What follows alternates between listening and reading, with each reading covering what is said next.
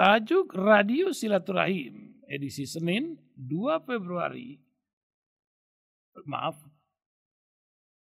kami ulangi. Tajuk Radio Silaturahim edisi Senin 2 Robiul Awal 1445 Hijriah. Bertepatan dengan 18 September 2023. Diberi judul Operasi Menghabisi Cak Imin dan PKB sebuah tulisan Tony Rosid, pengamat politik dan pemerhati bangsa. Kini, peluru mulai diarahkan ke Muhaimin Iskandar, ketua PKB yang akrab disapa Cak Imin. Pasalnya, bukan saja karena Cak Imin mendampingi Anies Baswedan, tapi lebih karena Cak Imin telah memperbesar peluang kemenangan bagi Anies Baswedan. Setelah Cak Imin dan PKB gabung ke Koalisi Perubahan untuk Persatuan KPP, operasi per bertahun-tahun dalam rangka menghancurkan Black Campaign terhadap Anies Baswedan, khususnya di kalangan Nahdien, Jawa Timur dan Jawa Tengah, akhirnya kandas. Operasi stigmatisasi Anies sebagai tokoh kontra NU menjadi berantakan dengan keputusan PKB mengusung Cak Imin sebagai calon wakil presiden Anies Baswedan. Stigmatisasi Anies dengan tuduhan politik identitas, tuduhan bahwa Anies didukung oleh kelompok intoleran. Anies dikerumuni oleh orang-orang di sekitarnya yang ekstrim kanan kini berangsur mulai meredup. Pada akhirnya ini memberi kesimpulan bahwa semua tuduhan kepada Anies selama ini memang tidak ada faktanya. Secara substantif salah objek.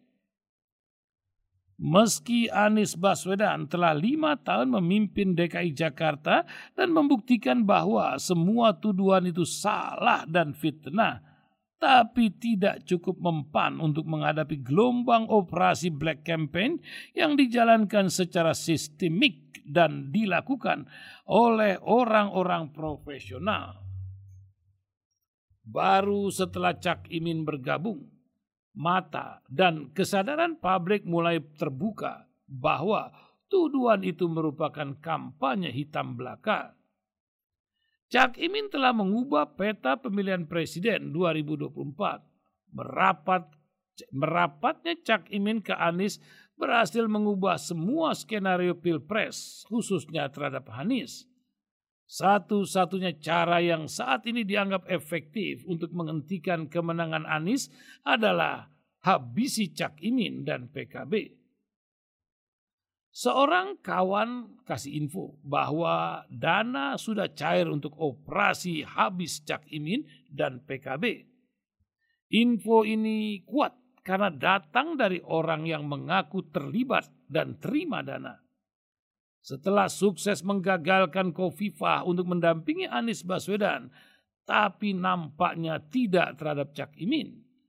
Secara politik, Cak Imin boleh dibilang satu kelas di atas Kofifah lebih matang karena lama telah menahkodai sebuah partai milik warga Nahdien yaitu PKB. Operasi untuk hancurkan Cak Imin dan PKB akan dilakukan secara masif dan sistemik. Kabarnya melibatkan dana yang tidak sedikit pemanggilan Cak Imin oleh KPK dan pengungkitan kembali isu lama terkait kudeta di PKB adalah tahap awal untuk mengoperasi untuk operasi Cak Imin. Ini menjadi kesempatan bagi Cak Imin untuk membuka kotak Pandora soal kudeta. Dari keterangan Cak Imin, tidak ada kudeta di PKB Informasi Cak Imin sepertinya telah mampu mengubah keyakinan publik.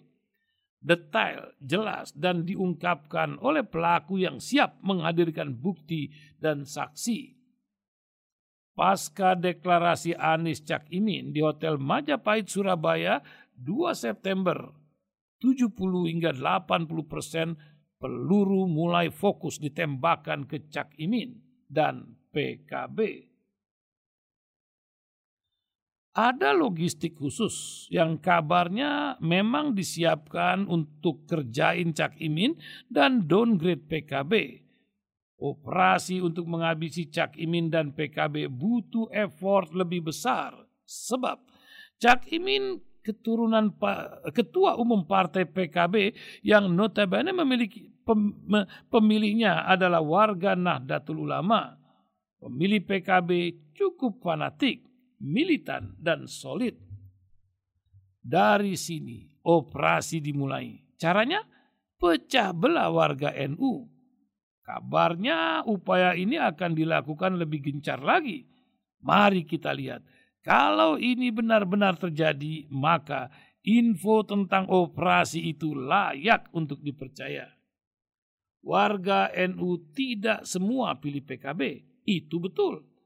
NU itu kita dan tidak berpolitik praktis. Ini juga betul. Semua warga Nahdien tahu bahwa NU sebagai organisasi itu netral. Tapi kenapa narasi ini kencang setelah Cak Imin dideklarasikan jadi cawapres Anies? Mengapa apa yang mengan, mengapa ada yang mengancam kepada pihak-pihak tertentu untuk mendukung Anies Cak Imin Cak Imin tidak mewakili NU secara struktural. Ini juga betul. Tapi apakah Cak Imin tidak mewakili warga Nahdien? Apakah PKB tidak mewakili suara Nahdien? Bukankah pemilih PKB hampir semuanya warga Nahdien? Terus siapa yang dianggap mewakili kaum Nahdien di partai dan Pilpres 2024? Kalau nanti ada calon wakil presiden lain dari tokoh NU, mereka tentu layak disebut sebagai wakil dari kaum Nahdien juga. Sama-sama mewakili kaum Nahdien. Karena mengambil cawapres dari tokoh NU tujuannya memang ingin mendapatkan suara dari warga NU. Kan simpel cara menyimpulkannya. Mengapa harus dipersoalkan? Kelebihan Cak Imin, dia punya mesin partai. Cak Imin telah puluhan tahun menyuarakan kepentingan warga Nahdien melalui parlemen. Kalau bukan PKB, partai mana yang all out memperjuangkan kepentingan warga NU? Nah, ini butuh strategi kelas tinggi kalau mau operasi terhadap Cak Imin. Dengan operasi ini, akankah PKB terdowngrade suaranya? Atau justru menjadi spirit PKB untuk semakin solid. Wallahu a'lam bissawab.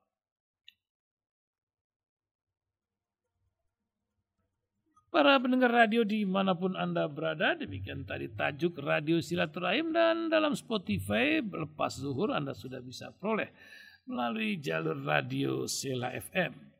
Para pendengar radio, hujan akan mengguyur di beberapa tempat nampaknya hari ini di selatan, timur, barat, Jakarta, Tangerang, juga di Bogor di siang hari dan malam hari. Malam hari juga di Kepulauan Seribu, utara Jakarta dan pusat akan terjadi hujan. Sementara di berbagai daerah lainnya masih berawan. Kita lanjutkan acara kita pagi hari ini dengan tanya jawab bersama Ustadz Rahmatullah. Kita akan uh, sapa juga pendengar kita pagi hari ini dalam perlindungan anak bersama Dr. Hamid Patilima, Sirah Nabawi bersama Ustadz Salman Al-Farisi lepas zuhur dan tausiah sore bersama Ustadz Z.M. Bahmin. Guru kita, Kiai Haji Zainuddin MZ akan mengiringi Anda yang berbuka puasa lepas maghrib nanti. Kajian kita bersama Ustadz Zaki Mubarak dari Rais Suryah PBNU akan dikumandangkan lepas azan Isya 20.00. Para pendengar radio di mana pun Anda berada, kami ingatkan jadwal sholat Jakarta dan sekitarnya, zuhur 11.47 menit, asar 15.00, maghrib 17.49 menit, dan isya 18.58 menit. Untuk sholat subuh pukul 4 lewat 7, 27 menit. Para pendengar radio di mana pun, selalu kami ingatkan untuk kita semua, sholatlah tepat waktu dan usahakan untuk selalu berjamaah. Wabillahi taufiq walhidayah. Assalamualaikum warahmatullahi wabarakatuh.